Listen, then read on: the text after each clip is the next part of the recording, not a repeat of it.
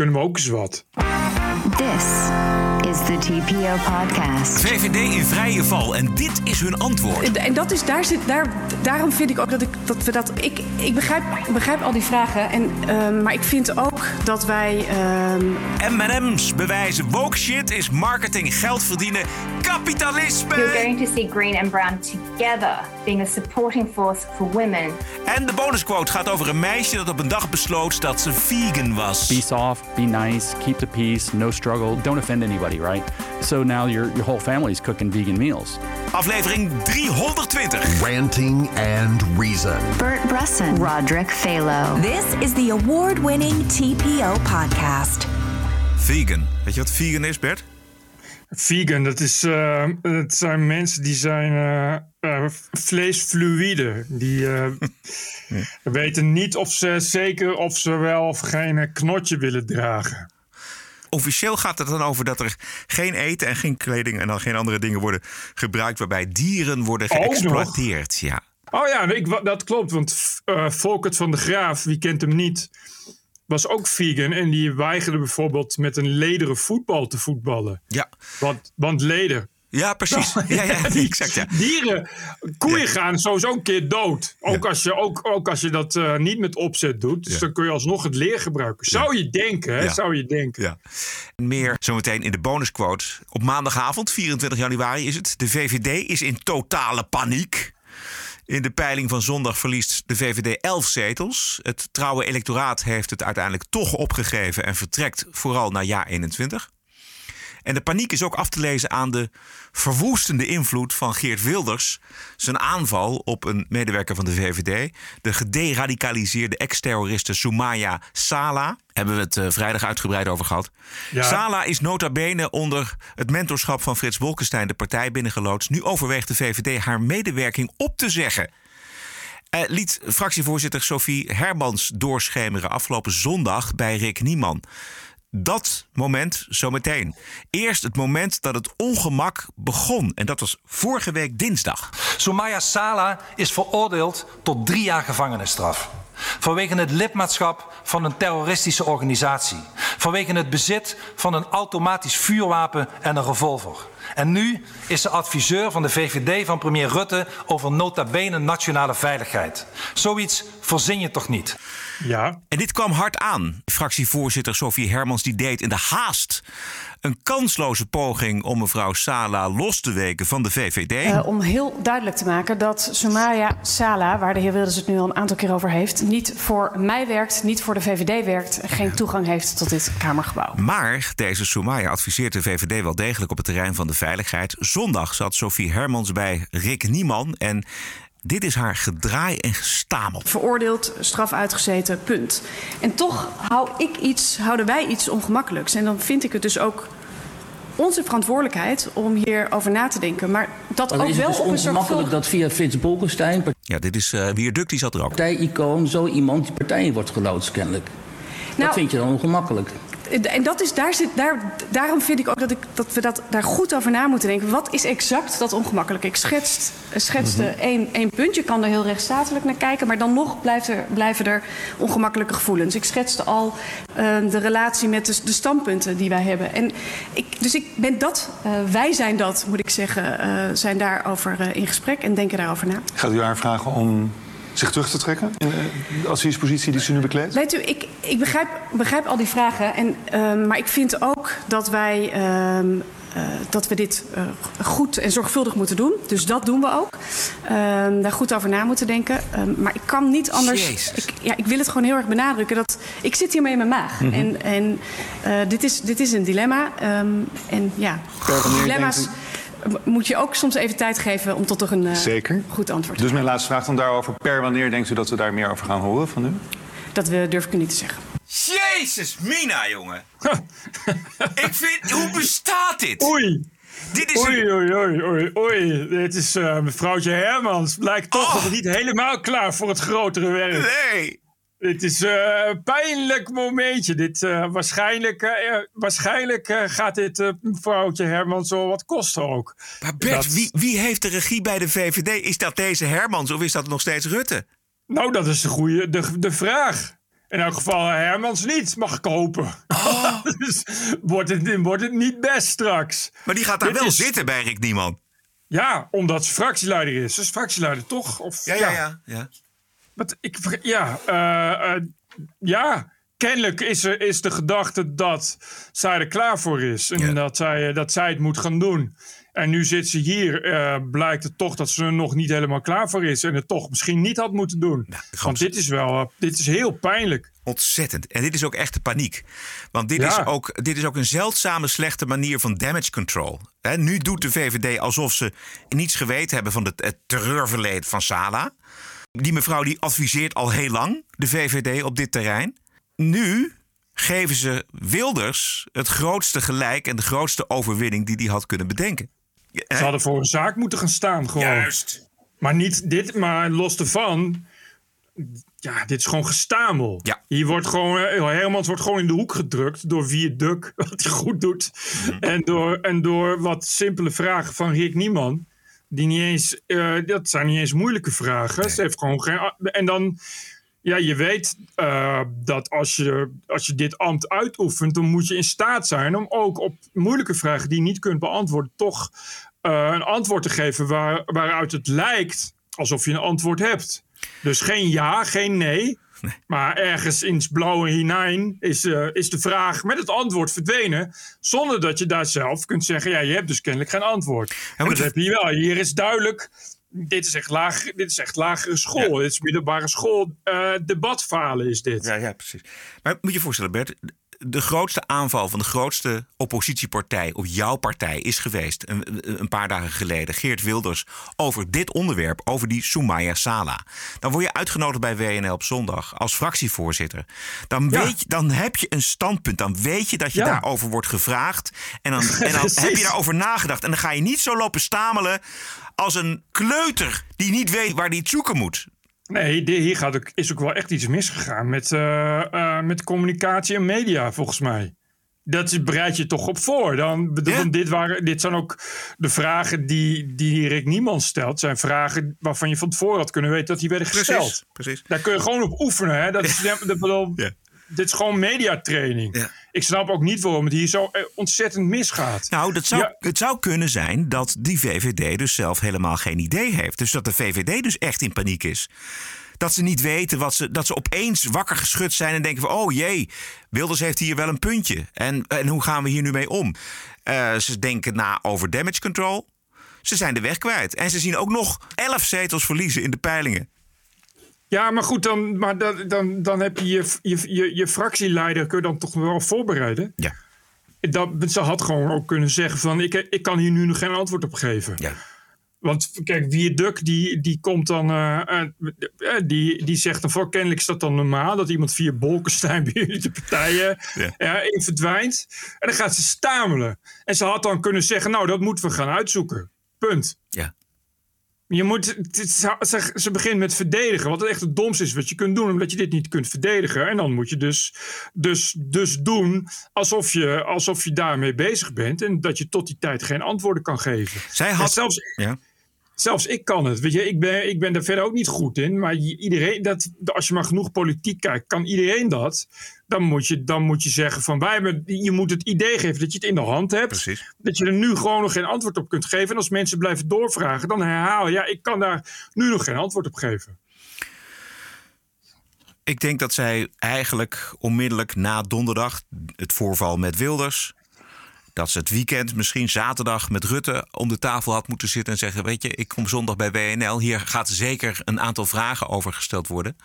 Wat gaan Ja. we zeggen? Wat, wat is ons plan? Ja, Nee, maar daar is kennelijk iets heel erg misgegaan. Ja, dat is niet Want- gebeurd volgens mij. Kijk, die VVD barst normaal gesproken van de spindokters en communicatiemedewerkers, zoals elke partij. Dus dat had geen probleem moeten zijn. Ze hadden daar inderdaad eh, makkelijk kunnen zeggen: hier heb je, hier heb je de vraag, dit gaan we oefenen en dit zijn de antwoorden. Daar heeft iemand gefaald. En ik denk dat het eh, de rest van de zondag niet zo heel gezellig was in het huis van eh, Sophie Hermans. Dat denk ik ook niet. Ik kreeg een hele slechte indruk van die partij. Zeker ook. uit Je het bent niet de enige. Nee. Maar als je dus uh, een, een coalitie die afgelopen zondag virtueel op 25 zetels verlies staat. VVD ja. min 11, CDA min 9, D66 min 6. En de ChristenUnie krijgt er eentje bij. Dus het per saldo 25 zetels eraf. Zit ook niet lekker, jongen. Dat zit toch niet lekker? Dat is toch geen lekker begin van een, van een ministersploeg, van een, van een kabinet? Nee, dat is inderdaad zeker geen lekker begin. Het, ook het, het vertrouwen is, weet ik van nog maar 20% heeft er überhaupt vertrouwen in. Ja. Uh, het CDA. Ken jij het CDA? Heb je er wel eens van gehoord? Het, het CDA, ik moest het, ik moest het opzoeken, CDA, wat dat ook alweer was. Zes zetels, ja, dat is natuurlijk. ja, het is gewoon, gewoon bestaat het niet meer. Het is gewoon een. een uh, in, als dat als je in, in 1990 zes zetels had, dan was je gewoon een splinterpartij waar niemand aandacht aan besteedde. Dus, dus ga maar naar. Het is heel, heel, heel droevig. Ook omdat natuurlijk die, die zetels gaan naar jaar 21, hè, 11 zetels bijvoorbeeld. Ja. En dat is natuurlijk, natuurlijk enorm, enorm pijnlijk. En dat gaat, geeft de uh, oppositie, waaronder jaar 21, enorm veel kracht en munitie. Dus zie je daar maar eens in staande te houden bij de, bij de eerstvolgende verdediging die je moet gaan voeren. Precies, en dan heb je ook nog BBB. Nee, ik begrijp gewoon niet wat er mis is gegaan met Sophie Hermans. Zo slecht vond ik het normaal gesproken niet. Die partij is helemaal losgeslagen van uh, ideologie en van ideeën. Dat is alleen nog maar een machtspartij uh, onder Rutte geworden. Dus die weten ook helemaal niet hoe het is om een standpunt in te nemen. Ook niet over zo'n Sumaya Sala. Nee, daar hebben ze geen idee van. Ze weten nu gewoon niks meer. Nee. Ze kunnen ook gewoon niks meer. Het is alleen nog wachten tot Rutte klaar is. En dat was het voor de ja, VVD. Ja. Precies. Dat is, ja, exact. En dan is, wordt het net zo marginale partij als de Partij van de Arbeid. Zielig voor Jan Dries. Voor Jan Driessen? Ja, zielig. Oh, ja, precies. Hij, is, hij is toch een van de spindokters van de ja, VVD? Kennelijk. Maar uh, ja, kennelijk uh, is hij niet meer betrokken bij het opvoeden van Sophie Hermans dan. Jeetje Mida, die moet toch ook echt zijn, de haar uit zijn kop hebben, hebben getrokken? Ja, dat, je zal toch denken dat er toch een hoop mensen echt uh, verschrikkelijk naar, dat, naar WNL op zondag hebben gekeken. Wow. This is the TPO podcast. Vandaag is bekend geworden dat woensdag nieuwe versoepelingen ingaan. Horeca, cultuursector open tot uh, 10 uur s avonds voor iedereen met een vaccinatie of een herstelbewijs of een negatieve test. En ook worden quarantainemaatregelen voor scholen versoepeld. Het was oorlog gisteren in Brussel, uh, Bert. Ik weet niet of je de beelden gezien hebt. Kwamen... Ik, zag, uh, ik zag dat jou, uh, jou een tweet delen van uh, ME'ers die, die door tuig met brandende vuilnisbakken en hekken en, en flessen en vuurwerk. ja, die moesten zeg maar een, een metro-ingang gingen ze in. Ja, dat klopt zo. Dan... Er, werd gewoon, er werden gewoon bekogeld met hekken, inderdaad. Volgens waarnemers ging het om 10.000 vreedzame demonstranten plus enkele honderden gewelddadige demonstranten. En volgens de VRT, de Belgische VRT, zijn er 228 mensen opgepakt. Ik mag hopen dat deze daders van deze moordaanslagen daaronder zijn. Ik had eigenlijk willen suggereren dat de politie met rubberkogels en grote hoeveelheden traangas zou gaan schieten, maar. Nou, rubber? Het, nou ja, precies. Lood! ja, maar hallo, dit ja, is vertel. toch... Ja ik, ik geloof heel erg dat het vreedzame demonstranten waren. Dat is precies het probleem. Nou, deze niet dus. Dat, dat er elke keer komen dit soort lui. En dit is een amalgaatje van, uh, van enerzijds voetbalhooligans en anderzijds antifa. Uh, en het is allemaal hetzelfde tuig. Wat elke keer op die rellen afkomt. Ja. Uh, dus je, je zou, en jij twittert ook van ja, hopelijk krijgen ze lange gevangenisstraffen. Ja, jij moest er gaan lachen. Waar ik dan om moet lachen. Weet je, omdat je weet dat het dus niet zo is. En dat is het droevige ervan. Dat je dus gewoon uh, ja, je kan gewoon, uh, gewoon ME'ers, wat gewoon, het zijn gewoon mensen, hè. Het zijn, ik bedoel, het, zijn geen robots of zo. Het zijn gewoon mensen, gewoon politiemensen. Diezelfde ME, die mag jou s'nachts weer van, uh, van, van de straat af met een plamuur met spulken omdat je te hard hebt gereden. Weet je, dat idee. Uh, die kun je gewoon bekogelen met complete dranghekken. Niet één, maar gewoon tien. Ja, en dan een brandende, vuilnis, uh, brandende vuilniscontainer erachteraan. Ja, ja. En dat is allemaal oké. Okay. Weet je, en die ME die mag ook niet zoveel terug doen. Want als je dat wel doet, dan uh, is het weer, ook weer een probleem. Terwijl als je het ziet, dat je denkt, denk je toch van nou... Als ik een vuurwapen had gehad, had ik wel teruggeschoten. Dus ik zou gewoon een grens trekken. Ook in... in ik bedoel, ik vind Ja, kijk, een bierflesje, je hebt een helm op, maar een dranghek. Nou, het- bedoel, jongen. je staat in een, in een trappenhuis, hè, waar je, waar, Ja. waar- dit, bedoel, ja, Je kan geen daar kant niet op. zomaar... Wat dacht je, dat die, die, waar die dranghekken op staan? Die staan op enorme punten. Als je die punten in je gezicht krijgt, ben je dood. Ja, je, is, dat is wat ik zeg. Het is een ME, het is geen panzerwagen. Je kan er niet onbeperkt van alles opgooien. En als je het wel doet, dan geef je toch... Ja, jij zei het al, het is gewoon een poging tot moord toch eigenlijk? Ja, zeker. Het grappige was dat toen nog niet bekend was wie het nou precies waren. Of het nou eh, de eh Wappie-activisten waren of de Antifa's.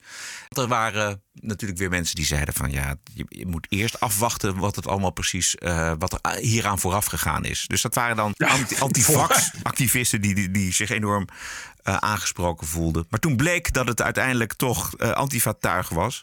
Toen eh, draaide alles. Laat- Tuig is tuig. Precies, dat, het daar ging het mij ook om. En dit is de VRT. Toen we hier aankwamen zagen we dat het vooral eh, de Franse antifa, zeg maar uiterst linkse personen waren die begonnen met rel te schoppen hier tegen de politie, gesteund door eh, enkele gilets jaunes. Dus vooral Franse betogers, demonstranten, relschoppers die de boel letterlijk eh, in brand staken. Daarna in het park zagen we dat er ook enkele voetbalhooligans zich mengden in schermutselingen met de politie. Maar we moeten erbij vertellen, en dat was het vreemde van deze namiddag, het ging om zo'n 400, 500 mensen, enkele honderden relschoppers. En achter hen stonden er tienduizenden mensen te luisteren naar speeches, vreedzaam. Dus je zou kunnen zeggen dat die relschoppers het ook wat verstoord hebben voor al die tienduizenden vreedzame betogers.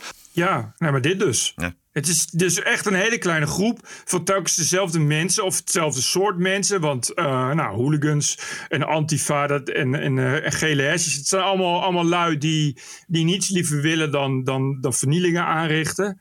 Je zou toch denken dat je die mensen toch gewoon... eh, ja, ik snap dat gewoon niet. Die, die, die, ze krijgen gewoon te veel ruimte wat mij betreft. Je moet daar gewoon, je moet daar gewoon meteen korte metten mee maken.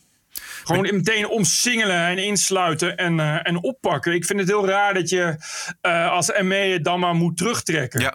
En dan maar, dan maar de dranghek op je af moet laten komen. Terwijl ik denk, denk van nou, volgens mij... eh, je moet dan dus ook een panzerwagen hebben met een punt 50 erop. ik, weet het niet. Ja. Ja. maar het gaat maar door en door, weet je wel. En dan denk ik van, goh man, ben je, treed dan ook eens een keer op en zo. Want het, aan, die, aan die vreedzame demonstranten ligt het dus niet. Ik bedoel, voor de duidelijkheid, dit keer was het dus niet zo... dat eh, de vreedzame demonstranten klappen kregen of zo. Dit, de mensen die klappen kregen, die, die waren ook echt wel gewoon naar klappen aan het solliciteren. Volgens mij denk ik, dan moet je dat ook meteen harder... moet je dat in de kiem smoren. Maar ik kreeg het idee van alles wat ik erover gelezen en gezien heb, is dat de ME, de politie, gewoon in, in, met te weinig waren. Als je het Ja, hebt ja. over een paar honderd van deze echte relschoppers, ja, daar, daar moet je toch echt wel misschien wel duizend man ME hebben. Om dat een Ja. beetje in, in de gaten te houden. En er was nog iets aan de hand, eigenlijk. Want die tienduizenden demonstranten, dat waren vreedzame demonstranten. Maar er zaten ook hitsers die de podia betraden. Nog één keer de VRT. Wat weet je over die sprekers aan? Wel, onze redactie heeft daar een eh, analyse over gemaakt. En dat blijkt toch wel een ander kaliber te zijn, Hanne. Dat zijn eh, mensen die bijvoorbeeld bewust foute informatie, fake news Ja. eh, de wereld insturen. Dat zijn ook mensen die complottheorieën de wereld insturen over corona. Er is ook iemand bij bijvoorbeeld die een tribunaal wil oprichten om de zogezegde verantwoordelijke van de coronapandemie. En dat zijn dan politici, nou zijn? wetenschappers en journalisten om die te berechten. En veiligheidsdiensten hebben ook gezien in de aanloop naar specifiek deze betoging dat er eh, expliciet is opgeroepen om geweld te gebruiken tegen politie en tegen journalisten. Dus dat gaat toch wel een heel pak verder dan wat, eh, naar ik aanneem, de meeste betogers die hier eh, aanwezig waren vandaag eigenlijk wilden bereiken. Oké, dus laten we zeggen dat de meeste betogers en het overgrote merendeel vreedzaam was. En natuurlijk gewoon mag demonstreren, moet kunnen Ja, demonstreren. ja, daar, daar is verder geen discussie over. Maar er zitten dus blijkbaar ook. bedoel, Er komen antifa's, er komen hooligans, er komen andere relschoppers. En er zijn dus ook sprekers die zo'n podium betreden. En die de boel lopen op te hitsen. Ja, nou ik las ook, eh, ik geloof dat het van KLO-NCV Pointer of zo, zo'n onderzoeksprogramma. Dat het ook, het was echt wel eh, een soort fuik van, van, van internationale antifaxers. Die eh, deze betoging hebben georganiseerd en ook op poten hebben gezet. En wat je dan krijgt, is dat er heel veel van die groepen die, die normaal eigenlijk bezig zijn met, met eh, nou, vrijheid en minder regels. Je kent ze wel, dus, dus de moederhartclubjes en zo. Die gaan er allemaal gewillig in mee, omdat ze dat het, uh, het wordt georganiseerd dus hè, als, een, als een mars tegen de vrijheid. Weet je wel, tegen de coronaregels. Ja. Maar dan krijg je dus vrijheid. Voor de vrijheid, sorry, voor de vrijheid. Ehm, in werkelijkheid leunt het dus heel zwaar, inderdaad, op conspiracygroepen en antivaxgroepen. Het is ook, ook die Kennedy Junior, dat is geloof ik de neef hè, van John F. Kennedy. Eh, die, die, is dus, die is dus al heel lang heel groot. Eh, die verdient ook miljoenen per jaar aan zijn antivax shit. Die zit, doet, doet niet anders dan antivax dingen verspreiden. En die hebben dat allemaal georganiseerd. En die leveren ook de sprekers. Dus wat je dan krijgt is dat eh, ja, die keurige vrijheidstypes. Ja, dat zijn eigenlijk nuttige idioten Ja, ja, voor precies, het podium van, van, van de internationale antifaxers. En je moet je niet vergissen dat die internationale antifaxers eh, groot, sterk. Eh, heel erg in- eh, georganiseerd zijn. Ze hebben heel veel invloed. Ze hebben ook invloedrijke vrienden. Hè. Ze zitten natuurlijk ook eh, in de Verenigde Staten heel erg in het Trump-kamp bijvoorbeeld. Het, het extreem-rechtskamp, het rechtse kamp. Eh, en, en, en toch een hoop industriëlen die, die, die, die daarvoor kiezen, die onbeperkt geld daarin injecteren. En dan krijg je dus dit, inderdaad. Dan krijg je dus veel nepnieuwsverspreiders, veel antifax onzin. Eh, en en eh, ja, het is natuurlijk niet best dat in principe keurige mensen die eh, de horecasluitingen zat zijn en de regels zat zijn en denken dat ze eh, door deel te nemen aan, aan een demonstratie een boodschap afgeven, eigenlijk dus gebruikt worden door dit soort idioten. Ja. En dat over die tribunalen, je moest al lachen. Ja, dat horen we in Nederland natuurlijk in het parlement zelfs. Hè, van Forum voor Demagogie. En de hitsers van hetzelfde, het zijn hetzelfde clubjes, staan ook in Amsterdam hun longen uit het lijf te schreeuwen. Gaan wij degene die ons dit onrecht hebben aangedaan opsporen, vervolgen en opsluiten? Snel met een fakkel naar de minister. Oh nee, want die, eh, wij hebben er niks mee te maken als iemand met een fakkel naar het huis van de minister gaat. Opsporen en opsluiten. Dat is het eh, credo van Gideon van Meijeren van Forum voor Demagogie. Dat is een van de grote hitsers tijdens dit soort demonstraties. NRC-journalist Andreas Kouwenhoven Ja. die had ondertussen ontdekt dat de hoofdcoördinator van Forum in Brabant de beheerder en de oprichter is van een Telegram groep waarop adressen van politici en andere andersdenkenden worden gedeeld en die volstaat met bedreigingen richting politieke tegenstanders. NRC had het over een digitale knokploeg. Precies wat je ervan verwacht. Ja. Eh, er werd ook eh, geweld, werd bejubeld. Eh, die, deze beheerder heeft ook zelf in een van die groepen gezegd dat hij eh, toch hoopt dat, er, eh, dat het een keer verder gaat. Dat, er, eh, dat we het maar eens moeten bestormen. Eh, ik zag ook screenshots uit die groepen. Er staat ook echt mensen die zeggen: ja, het is tijd voor een, voor een FVD-militie. we moeten ons bewapenen, want zonder geweld gaat het niet langer. En het is allemaal gelieerd aan FVD. En dan zegt FVD. Eh, die komen daarna met een uitgebreid huilie-huilie statement.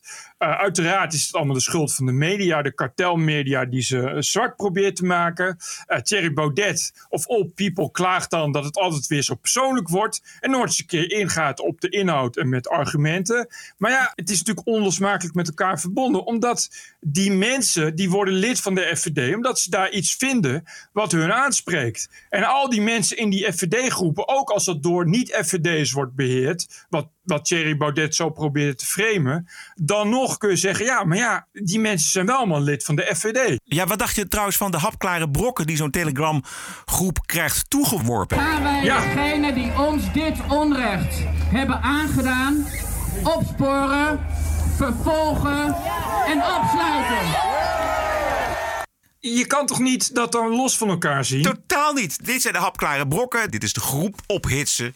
Ja, en, ik, en Baudet zegt dan nee, FVD is tegen geweld en houdt zich verre van geweld. Nou, dat is niet waar. Als, je, als dat zo is, dan moet je, uh, denk ik, de helft van je ledenbestand gaan royeren. Ja. Want als je ziet wat FVD-leden uitkramen, daar lusten de honden geen brood van. Daar zijn uh, PVV-aanhangers nog, nog lief en mild bij. En dan moet je niet gek opkijken als dat soort aanhangers, telkens als jij iets zegt, dat tot het extreme trekken ik heb al heel lang last van FVD-aanhangers en FVD-leden. Omdat uh, elke keer als Chris Alberts een kritisch stuk schrijft over de FVD, dan komen de digitale knokploegen en dat zijn dus allemaal FVD-stemmers en FVD-leden, uh, al dan niet georganiseerd via een Facebookgroep of Telegram-groep, uh, komen die zich melden in de mail en komen die zich melden bij Chris Alberts persoonlijk. Uh, nou, en dat gaat toch, het mildste is toch wel dat Chris Alberts zo snel mogelijk moet worden opgehangen.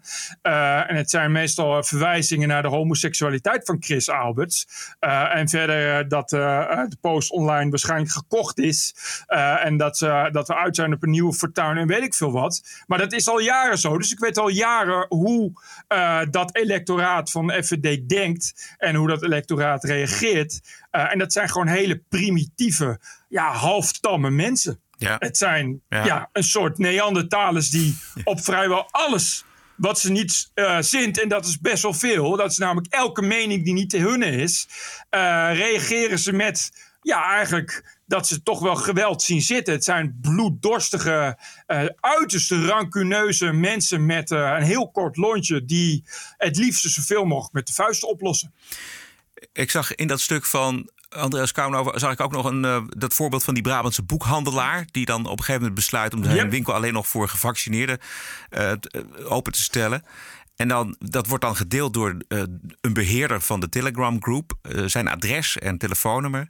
Ja. En stelt voor het nummer uh, te bellen en WhatsAppjes te sturen naar deze boekhandelaar. Direct na de oproep worden de boekhandelaar s'avonds zeker twintig keer gebeld.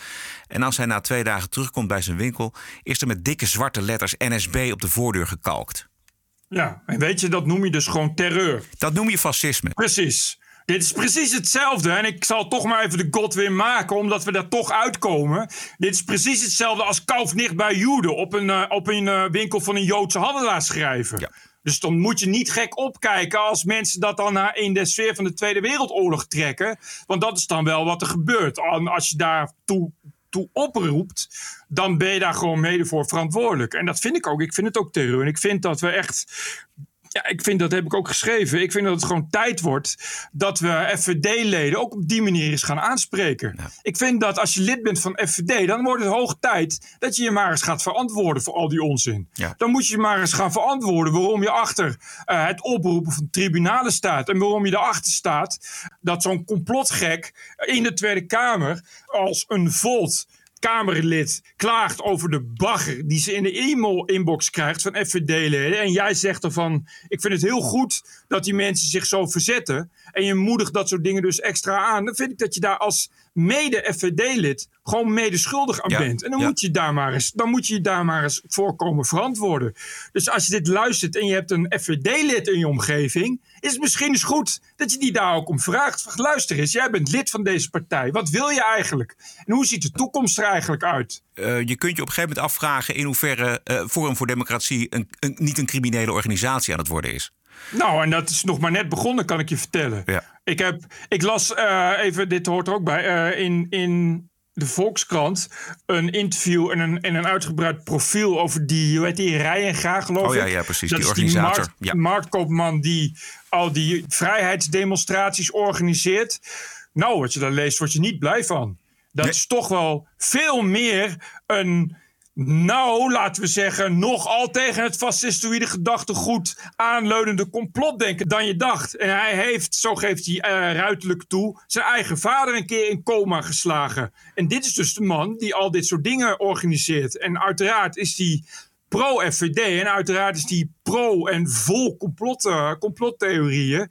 Uh, en deze man en, en de aanhang groeien nogal. En dat ziet er dus niet best uit. En ik uh, ben toch wel bang dat we heel snel, heel erg de verkeerde richting opgaan daarmee. Ja. En als je nu ziet dat Thierry Baudet binnenkort weer met een nieuw boek uitkomt. Ja. En dat boek staat barstens vol met leugens en nepnieuws. Uh, en als je weet dat die aanhang van Thierry Baudet Dat net genoeg Ja. hersencellen heeft, niet om te lezen, maar om alles te vreten, al was het maar omdat het op de achterflap staat. Eh, gaat het nog eens een keer heel erg mis. En ik vind dat je daar maar eens goed over moet nadenken. Of we dat allemaal maar zomaar moeten gaan accepteren. Juist. Want als ik nu al zie wat er in dat boek komt te staan, gaat het uiteraard over Klaus Schwab en het World Economic Forum. En uiteraard dat het allemaal complotten zijn, dat het ons allemaal wordt aangedaan en weet ik veel wat. En al die mensen geloven dat. Ja, precies. En al die 50.000 leden vreten dat allemaal als koek. Het gaat erin als godswoord in een ouderling. Eh, en dat kan in de toekomst alleen maar hele vervelende gevolgen hebben, omdat die groep nou, eigenlijk in no time radicaliseert. Ja. Ik vond zo'n profiel van die Rijenga, ik kende die gast niet. Eh, en die gast presenteert zich, hè, net, als die, net als die enge Willem Engel, als, als, als gelul over liefde en verbinding. Maar als je dan leest wat voor iemand dat is, en met wat voor mensen dit soort mensen zich omringen, ja, die digitale knokploegen gaan al heel snel werkelijke knokploegen eh, worden. Daar kun je echt op gaan wachten. Nou, dat is gebeurd. Dat, heb je, dat, dat is gebeurd met die, met die politieman. Die niets vermoedend, die wordt gewoon uit zijn auto gehaald en in elkaar geslagen. De gasten in uniformen lopen daar al. Het zijn al Ja, halve dat- knokploegen daar. dan kun je toch niet om fascisme heen? Dan Nee. kun je toch niet, dan kun je toch niet om, om verwijzingen naar de jaren 30 in Duitsland heen? Dat is namelijk exact hetzelfde. Precies. Eh, en en ik, maar ik vind ook dat de media zich dan, dan maar eens moeten afvragen hoe vaak we dit allemaal een podium moeten geven. Want ik hoorde afgelopen vrijdag in BNR, het keurige BNR, het klepperende, klepperende riooldeksel Marianne Zwageman tekeer gaan.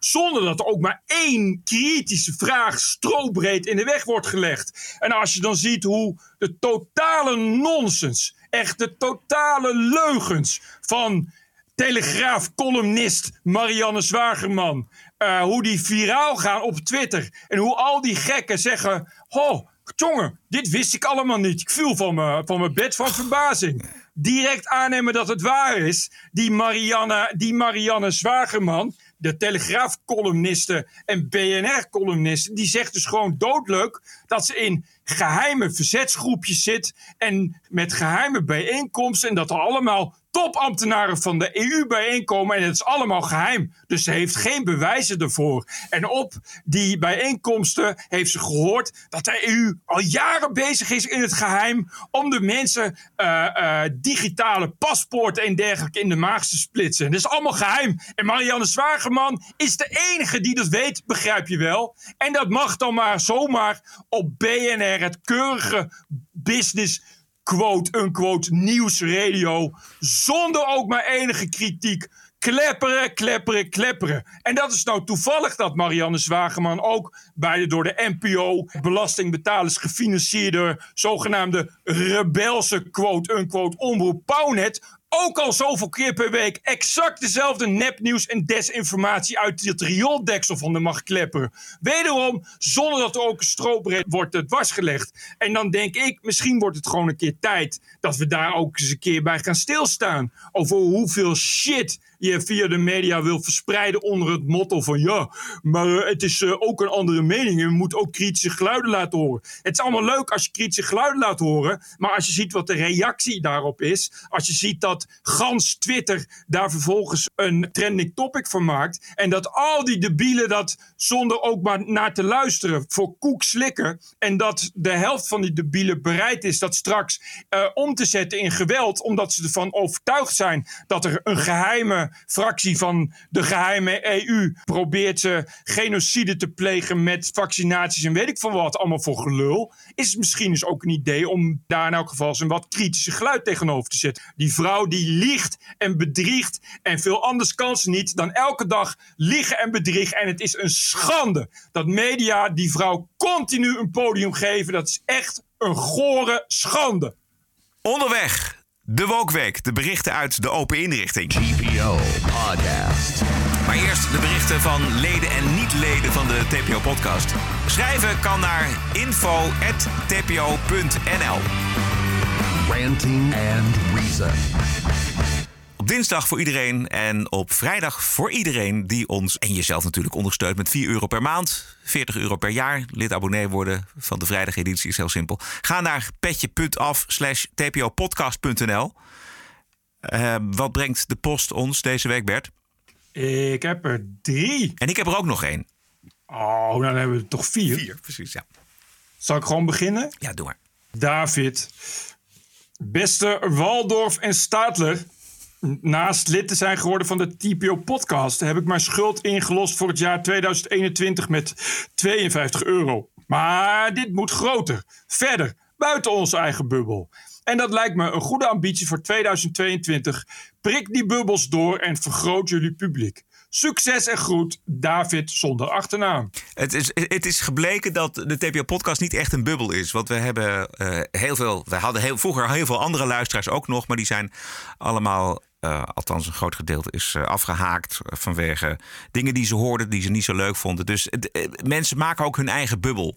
Het is heel leuk als je luistert, blijft luisteren. Misschien ben je het niet met alles eens, maar het is ook fijn om eens een keer dingen te horen waar je het niet mee eens bent, zodat je erover na kunt denken. Dat doen wij zelf ook. Ja, maar uh, bubbels doorprikken is uh, iets uh, lastig, kan ja, ik je vertellen. dat wordt ook alleen maar lastiger.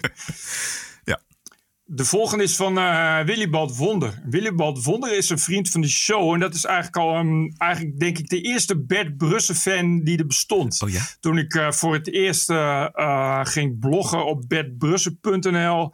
was Willibald Wonder er zeg maar als eerste bij. En ik heb toen, weet ik veel, in... in 2000, zoveel alweer jaren geleden, eens een keer een uh, boekje geschreven. Met uh, de later uh, toch enigszins een plagiaat betichte Willem Vermeend. anyway, maar toen dat boekje uitkwam, had Willibald Wonder zelfs een liedje gemaakt op zijn synthesizer. over Brussen en Vermeend en het boekje. Om even aan te geven hoe groot fan oh. Willibald Wonder is. Geweldig. En al zo lang. Is, en al zo lang. En Willibald Wonder is zelf ook al 103, dus kun je nagaan. Hedy, Bert en Roderick na lang overleg met mijn collectie rubberen smurfen en vooral onder druk van de smurfin, die anders weigerde nog het bed met mij te delen, ben ook ik nu overstag. Petje af, jaarabonnement. Geweldig. Vergeefs heb ik tot nu toe geprobeerd om mogelijke zwartkijkers zoals Snabbert, Conan en Ome G uit Mokum, dat zijn ook allemaal bekende namen voor mij overigens, uh, op te sporen en mijn voorbeeld te volgen. Maar wellicht dat ze na deze subtiele aansporing zich alsnog aanmelden. For all time's sake. Jongelui, rest mij nog jullie veel succes en mijzelf nog veel nu legaal luisterplezier toe te wensen. Onder Bert's roemruchte motto Nulli Cedo. Groeten van Willibald Wonder. Nulli Cedo? Nulli Cedo is volgens mij, uh, uh, uh, geeft, geef, nee, hoe zeg, hoe zeg je dat? nulli is, is niets of nooit en cedo is, is dus neerleggen, dus, dus geef nooit over. Ah, oké. Okay. Geef nooit op. Mm. Ja, het is meer een, Romeinse strijdkreet. Dus, dus door tot het einde, zoiets. Snabbert is trouwens... Dat is ook een, een van de eerste fans. Die, die, die heeft zichzelf destijds Snabbert Rus genoemd. Toen zei ik van, hoezo noem je jezelf Snabbert Rus? Maar dat is dus een anagram van Bert Brussen. Om, om uh, aan te geven hoe groot het fanschap van Ja. deze lieden is. Ja, ja. heel goed. Van Mitchell de Grauw. Hierbij kom ik mij melden. Want na de oproep van Thomas Kwakman afgelopen dinsdag kon ik natuurlijk niet achterblijven. Ook wordt de vrijdag podcast enorm gemist. Ik luister de TPO podcast al vanaf de eerste aflevering en kan eigenlijk niet meer zonder. Het maakt de dagelijkse rit van werk naar huis een heel stuk aangenamer. En ik heb daarom een abonnement genomen op de vrijdagaflevering en daarbovenop nog een donatie van 50 euro. Excuses dat het zo lang heeft moeten duren. Mannen, bedankt voor al die jaren vermaak en kennis. Hopelijk gaan jullie nog heel lang door. Groeten, Mitchell de Grauw. Mitchell, dankjewel. Ik kwam nog een aardige post tegen op ons Facebook-account van Moeder K. Beste Roderick en Bert, regelmatig luister ik jullie podcast om een ander geluid te horen. Op langere autoritten met mijn kinderen zet ik jullie vaak op in het kader van de opvoeding. Ik hoop twee zelfdenkende zonen op te voeden. Graag wil ik jullie dan ook het volgende laten weten, waar ik echt niet blij van werd. Mijn kinderen zitten op het gymnasium in Geleen. Laatst las ik de Telegraaf en deelde mijn zoon mee dat een docent in de les verkondigd had dat de Telegraaf niet gelezen moest worden. Dat was een slechte krant met nepnieuws voor domme mensen. Leerlingen moesten de Volkskrant lezen. Want dat was de krant voor intellectuelen die wel betrouwbaar is. En zo hoor ik wel vaker bijzonder linkse geluiden die de leerlingen opgedrongen worden en tegengeluid mag niet. Dat wordt meteen afgedaan als dan ben je dom. Het is heel droevig dat dat nu nog steeds bestaat. Ik bedoel, in de jaren zeventig was het natuurlijk uh, als vanzelf.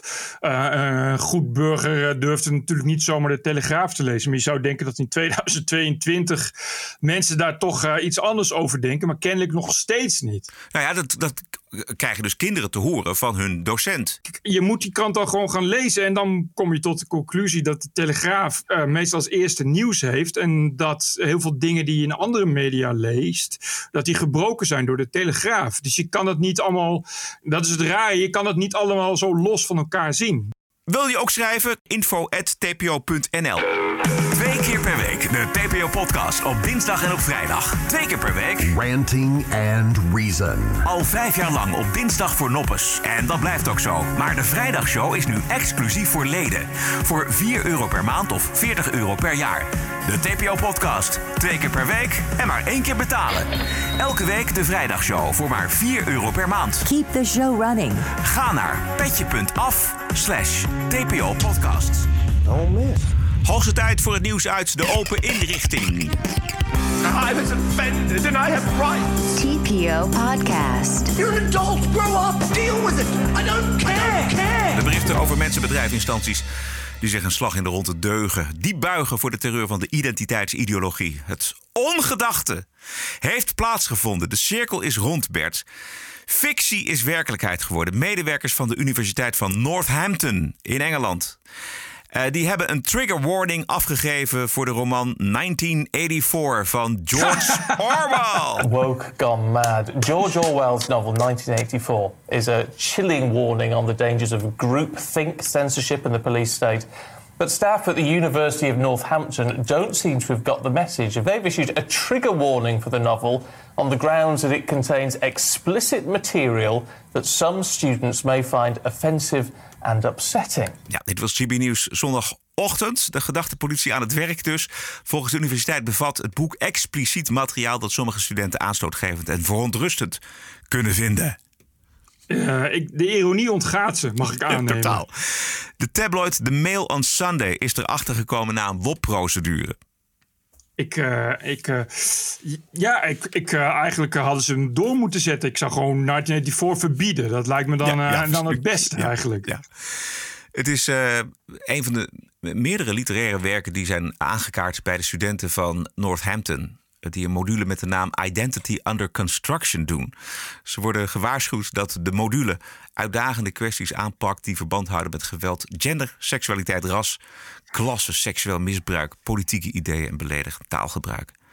Wow, man. Uh, het is jammer dat George Orwell niet meer leeft, hè? In dat geval. Je, zou, je bent echt benieuwd naar zijn reactie als hij dat zou weten. Dat is zo, uh, nou ja, hij zal, het lijkt, lijkt, dit is natuurlijk eigenlijk een soort kroon op je werk. Dat je ook denkt van, ik heb duidelijk voor niks gewaarschuwd. Nou, ja, I told you so. Ik denk dat hij zou zeggen van, nou kijk, hier heb ik nou precies voor gewaarschuwd. Echt, uh, ja bizar. Ik, ik, het is bijna mooi, inderdaad. is wat je zei. Het zo, uh, de cirkel, zo, cirkel is zo wel rond, hè? Uh, dus het is... Um, ja, je kan geen fictie meer overheen ook. Nee. Ongelooflijk. M&M's, die worden aangepast aan uh, de woke-eisen van deze tijd. uiteraard alleen in de reclamefilmpjes. Want in werkelijkheid gaat het natuurlijk om gekleurde snoepjes... die verder helemaal niks menselijks hebben om aan te passen. Wat één op één het bewijs is dat de woke shit door bedrijven wordt gebruikt voor marketing. Dit is de chef bullshit van de snoepfabrikant Mars. To reflect a dynamic and progressive world that we're living in. For example, green, you'll see her better reflect empowerment and confidence. You're going to see green and brown together being a supporting force for women who are throwing shine and not shade. Dit is dus een volwassen, goed betaalde medewerkster van de Mars Company. Ik wou net zeggen. Die deze kul uitkraamt over snoepjes. Het zal je werk zijn, hè? Dat, je, dat je dit moet gaan bedenken. Dat je moet gaan bedenken hoe, hoe, hoe, hoe de vrouwelijke mascotte van je snoepje... hoe je die meer empowerment kunt laten uitstralen. Dan moet je toch s'nachts wakker worden van ik, ik word krankzinnig. Ja, dat lijkt mij toch ook. Uh, ik begreep ook helemaal niet. Uh, wat, dat, het, zijn, uh, die, die, het zijn figuurtjes. Ik heb die reclame ook wel eens gezien. En dat zijn gewoon ja, wandelende MM's. Zo zien ze eruit. Ja, ja. Dus, dan, dus dan denk je, je kan daar niet. niemand kan daar een bel aan vallen. Omdat, omdat ja, ze zijn gewoon geel en groen en rood. Dus het zijn duidelijk snoepjes. Het is niet dat je.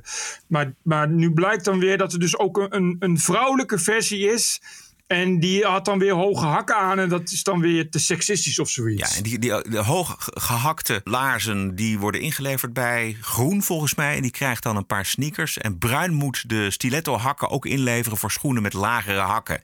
Zodat ze hebben de vrouwelijke poppetjes die... Ik kan het bijna niet zeggen. Maar de vrouwelijke poppetjes die krijgen dan minder vrouwelijk uiterlijk. En dat is dan goed, want dan is het minder sexy. En als je dat dan doet, dan doe je dat toch in stilte, weet je? Er is toch niemand die dan... Niemand die, die zich opwindt of überhaupt opvalt van... hé, hey, uh, de vrouwelijke M&M-mascotte heeft uh, sneakers aan in plaats van hooghakken. Dat zegt niemand. Er is echt niemand die dat, die dat überhaupt iets kan schelen of zien. Nou ja, het gaat, dan is het dus duidelijk dat het daar helemaal niet om gaat. Het gaat erom daar dus weer uh, goede sier mee te kunnen maken. Ja. En verkoop. Wat er echt... Ja wat ongelooflijk is, want het kost natuurlijk gewoon heel veel geld. Dat weet je. Je weet dat het gewoon dat het natuurlijk klauwen met geld kost om dit soort dingen aan te passen. Uh, alleen die vrouw die je hoort, die kost uh, denk ik toch wel zes zakjes M&M's pinda's per uur. Ja. Dus uh, dat, gaat toch, dat gaat er flink inhakken. En ja, kennelijk is dat het allemaal waard voor, voor de Mars Company. Ja. Nobody gives a shit. Ze, ze willen gewoon meeliften op die hele wokwaanzin. En dus doen ze dit. En dus komen ze met deze campagne. Dus gaan ze die poppetjes veranderen. De bonussen moeten omhoog van alle CEO's van dit soort bedrijven. Ja, nou, dit is... Word nou eens echt wakker. Krijgen die mannelijke M&M's nu ook uh, dat je duidelijk ziet dat ze minder ballen hebben en dat ze een, een knotje krijgen en zo? Of, of uh, krijgen ook, hey, dat zou wel leuk zijn om dan naast M&M's Pinda en M&M's Choco uh, M&M's Fluïde. Ja, ja, precies. Dat nou. je niet, niet weet wat er in het zakje zit. Of, of gewoon beide. En dat je dat dan uh, trans M&M's noemt. Ja, dat lijkt me een belangrijke opdracht voor de Mars Company. Dat, ja, je, ook, dat je ook M&M's hebt die dan voortdurend van kleur veranderen. Oh, dat is oh, dat regenboog, uh, regenboog M&M's. Uh, en ik vind, ik, hoop, ben wel, ik hoop wel dat Mars zelf, weet je, Mars is toch ook wel eens een keer aan een rebranding toe wat dat betreft. Ik weet niet of daar, maar ik neem aan dat een beetje, beetje marketeer daar toch wel een, een, een, een inclusiviteitshaakje uh, aan kan vinden. Ja, ja, aan Mars. Ik weet niet, Mars Company, die verkoopt volgens mij al die shit is van, uh, van, uh, van Mars zo'n beetje. Dus daar moet toch wel nog wel meer te vinden zijn dan alleen maar M&M's. Uh, bij een volksvertegenwoordiger, Sylvana Simons, die ziet de verontwaardiging over het seksueel wangedrag van Ali B. als racisme. Ze had het op Twitter over blije racisten. Ze schrijft: Volgens mij worden ze vrolijk nu het er alle schijn van heeft dat er ook een niet-westerse allochtoon beschuldigd wordt van grensoverschrijdend gedrag en machtsmisbruik ja. op de werkvloer van een bekend tv-programma. Witte daders zijn niet zo'n bron van humor, zo lijkt het. Ja, ja, die zag je helemaal niet aankomen, die tweet, hè? Dat brein van die Sylvana, die ziet toch echt alles ingedeeld in huidskleuren? Heel, heel goed. Het is echt, die kan zo bij uh, M&M's gaan werken. Ja. Of bij Forum voor Democratie. Ja, ja voor, voor, voor, democratie. Het is ja. Uh, ja. heel knap, heel knap wat ze doet. Dat je dat toch nog, uh, terwijl... Uh, nou, ik weet het niet. Het ging toch vooral over Jeroen Rietbergen, blank. En Marco Borsato, blank. Uh, maar uh, uh, Sylvana Simons ziet toch dat mensen net iets meer humor, net iets meer grappen hebben over, over Ali B. Ali B. Ali B, dat stond in de nieuwsbrief van NSC. Had iemand geschreven Ali B. Dat is op zich al grappig. Ja, zeker. maar NSC kwam dan met een rectificatie. Sorry, dat we, sorry dat we Ali B schreven. Dat had natuurlijk Ali B moeten zijn. Wat ik dan dubbel grappig vind. Ja, tuurlijk, ja. Maar goed, even dat tezijde. Uh, ik bedoel, ik, dat je dat ziet. Ja. Ik zie dat niet. Nee. Ik zie over iedereen eigenlijk. Uh, ik zag uh, over Marco Borsato heel lang heel veel grappen werden gemaakt. Ja. Uh, dus ik zie niet helemaal in hoe dat dan bij Ali B. Maar het doet, je merkt dat het die mensen toch wel pijn doet. Uh, ik zag bij Sovana, en ik zag het ook bij in NSC iemand als Wilfried, Wilfred Takken, die in alles racisme ziet. Maar ook echt in alles.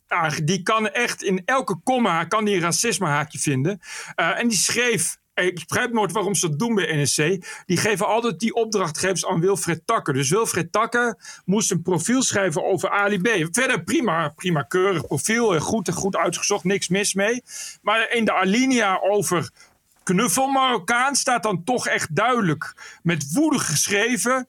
Ja, dat, dat, dat dan uh, de de blanke, de blanke rechtse mensen ja, daar niet goed om konden gaan met knuffel Marokkaan. Dat het een scheldwoord is en zo. En dan denk je dat je dat, dat, je dat zo ziet, weet je. Het is, het is gewoon knap dat je dat ziet. Ja. Maar Wilfried Takke ziet dat. Ja. En, en, en uh, Sylvana Simons ziet dat soort dingen gewoon ook. Ja. Het zegt iets over hoe diep het racisme bij die mensen zelf van binnen zit. Als je alleen maar zo kan denken, als je de wereld zo indeelt, dan ben je intrinsiek ben je racistisch. Want je kijkt, bekijkt alles in termen van ras. Nee, maar dat is, eh, die mensen zijn ook echt volkomen geobsedeerd. Ja. Dat is, dit is heel zielig. Maar dan moet je maar echt. Lees maar eens een artikel van Wilfried Takker. Wilfried Takker kwam ooit op mijn radar omdat hij een artikel had over Elvis Presley. En oh dat was ook een racist, omdat die had zich allemaal zwarte toe, uh, muziek toegeëigend. Dus sindsdien ben ik die artikel van Wilfried Takker gaan lezen. En het is hilarisch.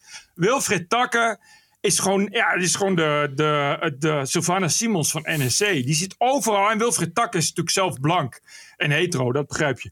Uh, die, die ziet gewoon overal racisme. Het is gewoon elke keer toch iets racisme en iets met blanke mannen. Het is gewoon, gewoon echt ja, obsessief. Het zit er gewoon in. Die mensen kunnen zichzelf gewoon niet helpen. Op het moment dat die mensen gaan schrijven, kunnen ze gewoon niet zonder dat dan weer telkens op te schrijven. Heel, heel zielig. Ja. Het woord obsessief, even onthouden voor de bonusquote, want die gaat daarover. Um, nog even over de Voice. Het is een, toch een in beton gegoten wetmatigheid in Nederland. Dat als je succes hebt, dan moet je kop eraf. En dat heeft te maken met het maaiveld en die grenzeloze kleinburgerlijke jaloezie in Nederland. Op iedereen die wel succes heeft of die het wel voor elkaar heeft. Afgelopen weekend was het de beurt aan boosheld Tim Hofman. Er dook een filmpje op uit 2012, bijna tien jaar oud. Hofman backstage bij een misverkiezing. Wil je het horen? Ja. Foto omdat ze toevallig net even grotere titel heeft dan de rest van Nederland. Zou ik anders mijn pik laten zien? Luister, hand in de kut, kaart eruit. Ik heb een tip, laat een tiet zien. 9, nog eentje. 10, nou, ik heb een stijve lul. Ja, Hofman reageerde. Ik heb veel geleerd sindsdien, zoals uh, over meer dan zulke onderwerpen, homofobie en racisme. Het was fout en excuses zijn gepast. Maar het gaat er natuurlijk om dat dat zo'n filmpje verschijnt na tien jaar. Uh, dat dat op uh, social media wordt gedeeld en dat de kranten daar dan weer over schrijven. Het AD, de Telegraaf. Ja.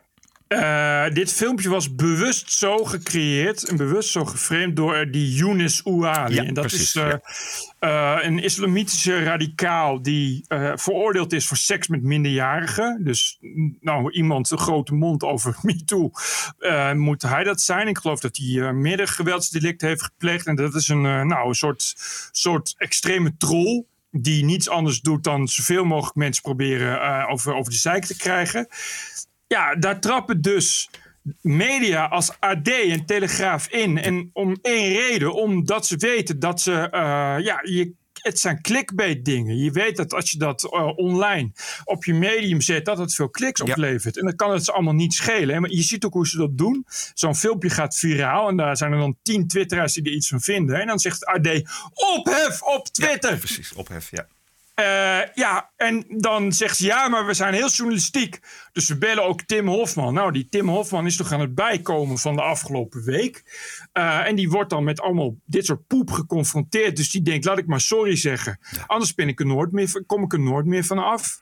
Uh, en dan gaat dat dus een eigen leven leiden. Dankzij de fantastische knijte kwaliteitsjournalistiek van AD. En in dit geval ook Telegraaf. Uh, uh, ja, ik, terwijl dat filmpje, ik, ik kreeg het ook binnen voordat ik had gezien dat het AD het had. En het werd aangeboden aan geen stijl. En ik heb daar ook met die persoon over gemaild. Van gast, wat, er gebeurt toch niks? Waarom, waarom probeer uh, Tim Hofman nu op die manier te framen? Dat is prima als je dat doet. Als jij een filmpje hebt van Tim Hofman die in een toilet een medewerker van BNN uh, meet doet. Ja. Dan heb je een verhaal. Ja. Weet je? Maar dit, dit is gewoon dit, met, met de camera erbovenop. Dit is open en bloot. De context is echt nog veel erger omdat die vrouw, dat meisje is Simra Geurts. Simra Geurts was op dat moment een playmate. En Simra Geurts moest het op, op dat moment hebben van uh, het praten over seks, het praten over seks, het praten over seks. Het maken van filmpjes voor geen stijl waarin ze willekeurige mensen zoent en met mensen over seks praat. En het praten over seks en porno. Dus het is niet zo heel raar dat Tim Hofman daar op dat moment met Simra Geurts over seks praat. Want het was een beetje het enige wat je toen met Simra Geurts kon doen. Uh, inmiddels heeft haar oude manager, Sidney Brandijs, dat is een vriend van Geen Stijl, heeft zich ook gemeld. En die zei: Goh. Dat interview was helemaal zo ingestoken. En alles wat Tim Hofman daar zegt, was wat we van tevoren hadden afgesproken dat Tim Hofman zou gaan zeggen. Want Simra Guts, een playmate. Uh, het tweede gedeelte van het filmpje. Daarin uh, heeft Tim uh, Hofman een gesprek met volgens mij Anna Nushin. En die Anna Nushin die vraagt van ja, gebeuren er ook op seksueel vlak wel eens dingen zo in een organisatie als BNN? Waarop uh, Tim Hofman uh, zegt, ja, er gebeuren wel eens dingen. En ja, ik heb ook wel eens met wat mensen zo uh, getonkt, dus zo, dat gebeurt wel eens. Wat nogal logisch is, want het is een mediaorganisatie waar veel jonge mensen werken. En ongeveer elke organisatie waar meer dan één man en één vrouw werkt, of twee mannen of twee vrouwen, komen er wel eens seksuele relaties voor. Dat heb je als je de hele dag op elkaar zit. Maar met geen enkel moment verwees Tim Hofman naar ongelijke verhoudingen nee. of machtsmisbruik nee. of MeToo helemaal niks. Dus als je de context van die filmpjes uh, bekijkt, dan is het gewoon drie keer niks. Juist. En ik vind het echt, ik vind echt, en daar ben ik echt inmiddels al zo zat van dat we in Nederland toch eens een keer moeten gaan hebben over dit soort media. Die, uh, want het begint gewoon best wel gênant te worden. Dat een krant als AD, die nu een nieuwe hoofdredacteur heeft, die dat een vrouw is, die zich ook wel uh, wil gaan inzetten voor nog meer emancipatie, nog meer feministische zaken, dat die enerzijds zich met dat soort dingen toelegt en het ene slachtofferverhaal naar het andere slachtofferverhaal. En tegelijkertijd vindt dat ze goede journalistiek bedrijven, want dat vinden ze heel belangrijk in Nederland. Maar tegelijkertijd wel dus continu die clickbait wil. Ja, ja. En continu die kliks willen vergaren door dit soort shit en poep online te schooien. Ja. Ik vind dat best wel een beetje vermoeiend worden inmiddels.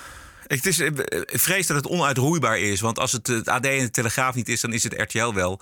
De gedachte erachter is gewoon dat ja, er moet geld verdiend worden met dat ingewikkelde medium internet. Het excuus is toch ook vaak, en daar is misschien ook wel iets voor te zeggen, dat er juist dankzij die clickbaits ook andere onderwerpen ja, goed, dat... diepgravender gemaakt en gepubliceerd kunnen worden. Dat ben ik ook helemaal met ze eens. Maar ik vind, kijk, het, ik vind het punt dat die hoofdredacteur en Paul Jansen doet het ook, die, zijn, die nemen continu anderen de maat terecht over wat journalistiek is en hoe je journalistiek moet gedragen. En als ze kritiek krijgen, dan uh, reageren ze daar uh, gestoken door een wesp op helemaal terecht. En dan zeggen ze ook, nou, we drijven zuivere journalistiek en het is allemaal heel belangrijk. Ja, prima.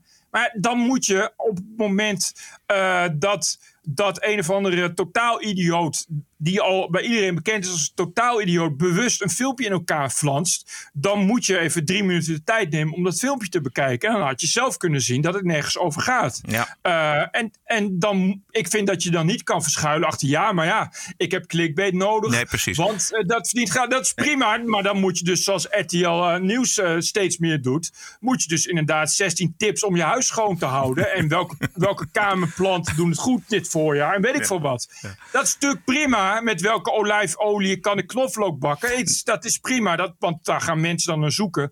En dan wordt daarop geklikt. Maar dan nee. moet je wel ook ja. dat nee. de boel zuiver scheiden en zeggen: oké, okay, maar op het moment dat er dan iets over Tim Hofman is, bedrijf ik ook zuivere journalistiek. En ik, geef ik de hele context. Precies. Ik, ja, je moet iets meer doen dan, dan alleen maar doorgeefluik zijn van een in elkaar geflanst filmpje op en, uh, de sociale media.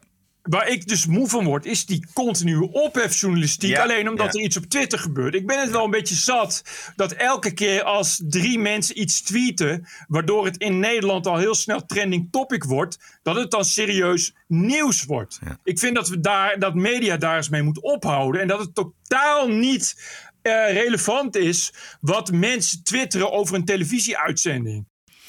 Moeten we het nog hebben over, hoe heet ze, Marjan Slop? Uh, uh, oh, oh, ja, die column, ja. Nou ja, ja column, het was een, het was een toespraak. E essay. Het was een nou ja, essay. Een lezing, hè, ja.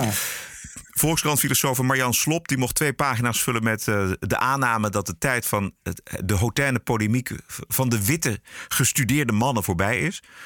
Het was een eh, bewerking van een lezing die zij gehouden heeft op eh, de Nederlandse ambassade in Parijs. In het kader van het Hermansjaar. Want het ging heel erg over je WF Hermans. Oh, het ging over Hermans, ja. Ja, ik zat te Precies. denken, waar ging het ook over? En zij heeft het letterlijk over één type mensen. En daarom be- behandelen we het in de Woke-week. Namelijk de witte gestudeerde mannen.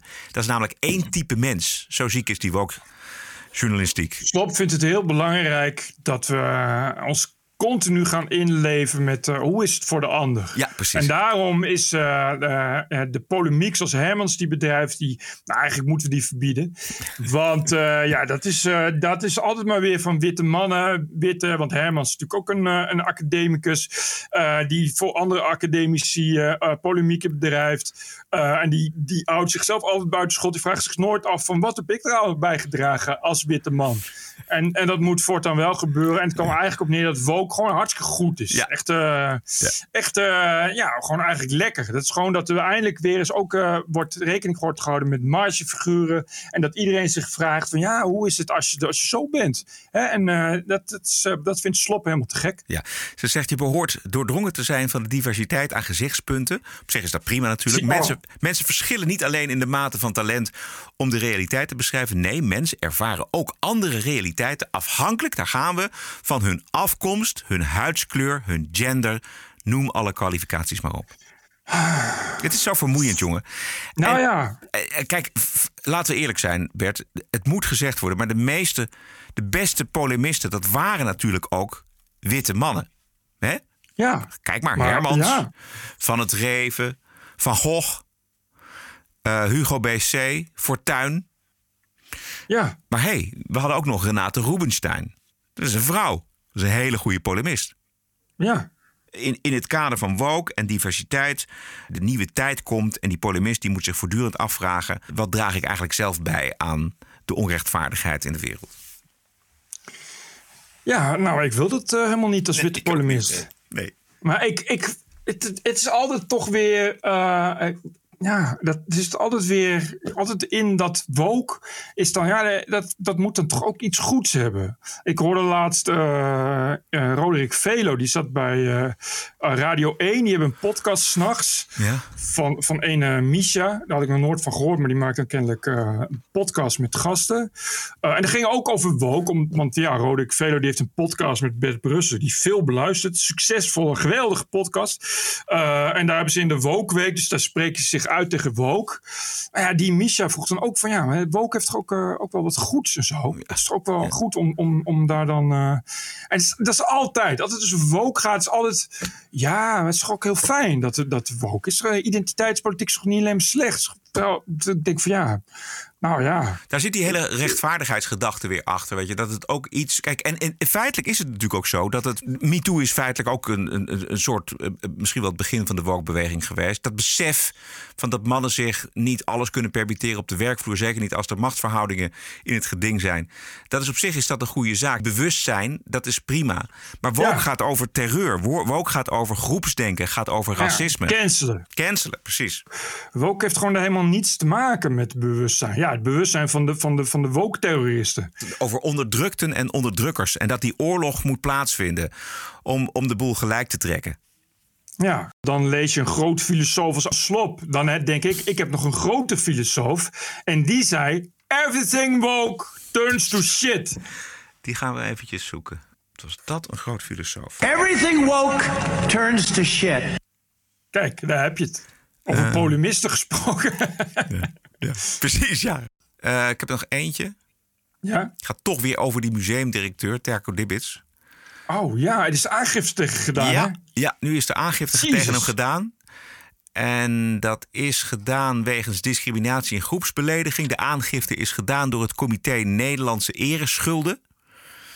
En het grappige daarvan vind ik eigenlijk dat als je verder leest, dan zie je dat het Comité Nederlandse Ereschulden strijdt voor financiële genoegdoening voor het Nederlandse Oh. optreden, precies, het Nederlandse optreden in de Indonesische onafhankelijkheidsoorlog.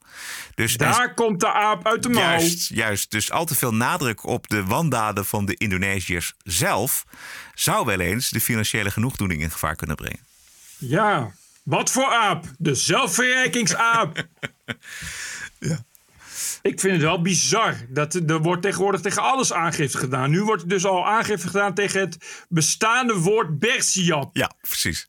Dus een bestaand woord uit een bestaande tijd, een bestaande historie, is nu ook al uh, crimineel of zoiets. Even voor de mensen die het nog niet weten, maar de, term Bersiap die uh, wordt gebruikt in de tentoonstelling uh, over de Indonesische onafhankelijkheidsstrijd. En dat is Bersiap is, is, een, is een eigenlijk een, gewoon woord en staat voor de periode dat Indonesische moordbendes zo'n beetje iedereen probeerde uit te moorden. Nederlanders, Ambonezen, iedereen die mogelijk gecalibreerd zou hebben met het Nederlandse bewind. Chinezen werden ook uh, flink aangepakt. Het was, het was uh, nogal gruwelijk. en dat benoemen, dat zou dan volgens de gastcurator racistisch zijn. Ja, nou goed, maar het heette gewoon Bersiap-periode. Ja, dus noem je het Bersiap-periode. Als iets Bersiap heet, kun je het ook wel Bersiap noemt, noemen. Dus vandaar Bersiap. Bersiap, B-E-R-S-I-A-P. What a woke week it was. This is the TPO podcast. This is the TPO podcast. Ja, de bonusquote is van James Lindsay aan tafel bij Joe Rogan afgelopen donderdag. James Lindsay is een van die geweldige wetenschappers die. Was hij niet van uh, dat artikel dat hij had gepubliceerd Ja, ja. Over, over, honden, over verkrachtingscultuur bij honden? Ja, zoiets? precies. Ja, hij Ja, had ja, precies. fake eh, onderzoeken had hij gepubliceerd en of ingestuurd eigenlijk voor een eh, gerenommeerd wetenschappelijk tijdschrift. En dat was zo eh, richting woke geschreven dat er niet eens werd nagedacht over klopt het wel. Ze hebben het gewoon afgedrukt en toen heeft hij uiteindelijk gezegd van nou dit is allemaal verzonnen en jullie drukken het alleen maar af omdat jullie blij zijn dat het past in jullie woke ideologie. En het gaat over wat we voortdurend in onze omgeving zien gebeuren.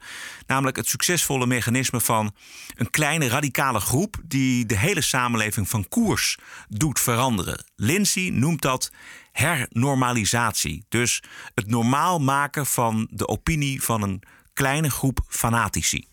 Komt-ie. It's the idea that a very small group of in, extremely intolerant people can change a very large number of normal people. So three or four percent being just absolutely intolerant can move the entire needle. And the way it works, the example I saw this video on, on YouTube, so I'm stealing this.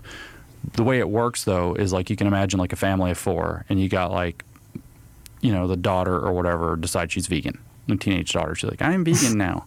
And so like the, whoever's cooking, the parents are like, well, I can cook two meals, or I can get in a fight every night at dinner, or I can just cook some vegan stuff, right? Just keep the peace, and that's it. Be soft, be nice, keep the peace, no struggle, don't offend anybody, right? And so now your your whole family's cooking vegan meals. So now the neighborhood has a barbecue. You got one girl who's actually vegan. Whole family's eating vegan, and they're like, "Well, we need vegan options." And so now the barbecue of the neighborhood's like, "Well, we got to do something for the Johnsons down the street. You know, they're vegans now." Mm. And so what can happen is like the whole neighborhood now has to accommodate vegans, but there's one vegan right? And you can just see how this expands out. This process is called renormalization. So when you have this small contingent of obsessives, which these people who are in these Marxist ideologies, woke Marxism is what I, I don't even call it woke anymore. I call it woke Marxism. Woke Marxists are completely obsessives and they're completely intolerant. Anything but their way is, you know, sexist, racist, probably capitalist, patriarchal, and you are the worst kind of person and the dumbest person and probably crazy for not going along with them. And they can renormalize an entire, say, social media platform, at which point they have this massive amount of dominance over the national discourse. Yes. Het is vooral geen ruzie maken. Het is oproepen tot uh, verbinding, niet polariseren, niet. Uh, Precies, vooral dat. Ja. Laten we het maar gezellig houden. Ja, dat. Dus, dus inderdaad, die, die buurtbarbecue. En dat zijn dan 15 mensen. En is één is vegan. Dus dan moet de hele barbecue vegan worden. Want die ene persoon komt ook. Ja, en die gaat dan uh, stampij maken. En dat willen we niet. Dat is veel te polariserend. Ja. Uh, dus, dus, en bovendien, dan zijn we slecht. Want we willen iedereen welkom heten. Dus dan ook vegans. Dus dat betekent dat het moet vegan. Want je kan niet vegans welkom heten op een vleesbarbecue. Begrijp je wel? Precies. Ook niet als je alleen één maaltijd maakt voor die vegan. Hè? Stel dat je één Ja. vegan ma- maaltijd maakt. Dan zit die vegan persoon zit dan tussen allemaal mensen die bijvoorbeeld eh, vlees eten. Ja, nee, maar dan eh, krijg je dus ruzie en, en, en problemen. dus moeten ook de restaurants in de buurt, ja, dat, die moet, moeten ook. Want Ja. anders, je kan niet, je kan wel vegan menus aanbieden, maar dan moet je dus in een restaurant zitten eten waar mensen vlees eten. En zo, zo breidt dat zich dus uit. Eh, en zo gaat het bijvoorbeeld ook bij islam. Bij islamisering. Dus, dus één iemand zegt van ik vind het heel kwetsend dat ook vrouwen in bikini op posters staan. Nou, dan moeten die posters wel weg. Want er zijn honderdduizend mensen en tien mensen die zijn moslim. Ja, er zijn tien mensen die moslim. Die, als die dan zeggen van ja, wij zijn gekwetst, dan weten wij, oh, dan zijn we niet tolerant genoeg. En we willen wel tolerant zijn, want anders zijn we polariserend bezig. Precies, want Dat we willen niet. geen ruzie. We willen geen ruzie. We moeten het wel gezellig houden. En bovendien eh, zijn dit ook nog eens een keer mensen, meestal islam, ja, het zijn mensen uit een ander land, een andere huidskleur. We willen zeker geen racist zijn. Zeker niet. Zeker niet. Dus moeten die posters weg. Precies, dus, we gaan, dus gaan we toegeven. Exact, dus gaan we toegeven. Dus, dus wordt wat eigenlijk helemaal niet normaal was, wordt dan normaal. Die hele fanatieke, eh, intolerante 2 tot 3 procent van de mensen. En die zorgen dus voor dat iedereen meegaat. Omdat de rest geen polarisatie wil. Ja, en Lindsay geeft een goed voorbeeld van, van eh, social media werken dus ook zo. Die, dus is een hele kleine groep mensen die vinden dat vrouwen een baarmoeder hebben, of dat mensen worden geboren als man of vrouw, dat dat transfoob is. En dan, ja, Twitter zegt, ja, je mag niet transfoob zijn. Dus als je dan op Twitter zegt, mensen worden geboren als man of als vrouw en, eh, en niet anders, ja, dan word je van Twitter gegooid. En, en dat betekent dat die mensen dus eh, eh, die macht groeit dus exponentieel. Want dan heb je namelijk ook Twitter, wat gewoon dan een grote invloed hebt, die heb je al met je mee. Dus die invloed wordt steeds groter. En door die invloed die je dan hebt voor Twitter kun je ook, nou, laten we zeggen, Unilever of Mars of M&M's kun je bereiken. En die gaat het dan ook doen. En zo wordt het steeds groter. En dan heb je dus als, als een heel klein groepje, uiteindelijk heb je bijna unlimited power. Exact, want het, dit mechanisme is ook bekend bij die fanatieke clubjes. Daarom noemt Lindsay het dus ook heel slim woke Marxism. Ja. Omdat je, als je alleen woke noemt, dat kwamen we net al op, dan zeggen mensen, ja, wat is nou mis met woke? Dat is een beetje eh, goed voor mensen, maar woke Marxism is een bewuste ideologie die bewust wordt ingezet om iets anders te bereiken. En we weten allemaal dat, dat nou, als al iemand een playbook heeft van hoe de massa te bespelen, dan is het al Marxisme. Juist. Elke dinsdag en vrijdag online via je favoriete kanalen. Aanstaande vrijdag zijn wij terug. Eh, we zijn terug voor de leden van de TPO-podcast natuurlijk. Voor de leden, wees er ook bij. Zou zeggen, ga naar tpopodcast.nl. Dan kom je vanzelf op petje.af slash tpopodcast. En daar kun je lid worden van de vrijdagaflevering voor 4 euro per maand of 40 euro per jaar. Dat is bijna voor niks. Join de club op vrijdag, dan spreken we elkaar aanstaande vrijdag dan weer. En doneren mag ook via tpo.nl slash podcast.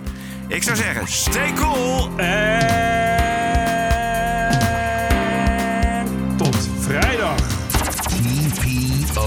Podcast. Bert Bruson, Roderick Balo, Ranting and Reason.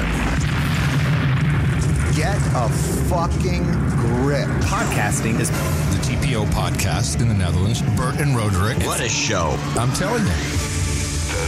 Twee keer per week de TPO-podcast op dinsdag en op vrijdag. Twee keer per week. Ranting and Reason. Al vijf jaar lang op dinsdag voor noppes. En dat blijft ook zo. Maar de vrijdagshow is nu exclusief voor leden. Voor 4 euro per maand of 40 euro per jaar. De TPO-podcast. Twee keer per week en maar één keer betalen.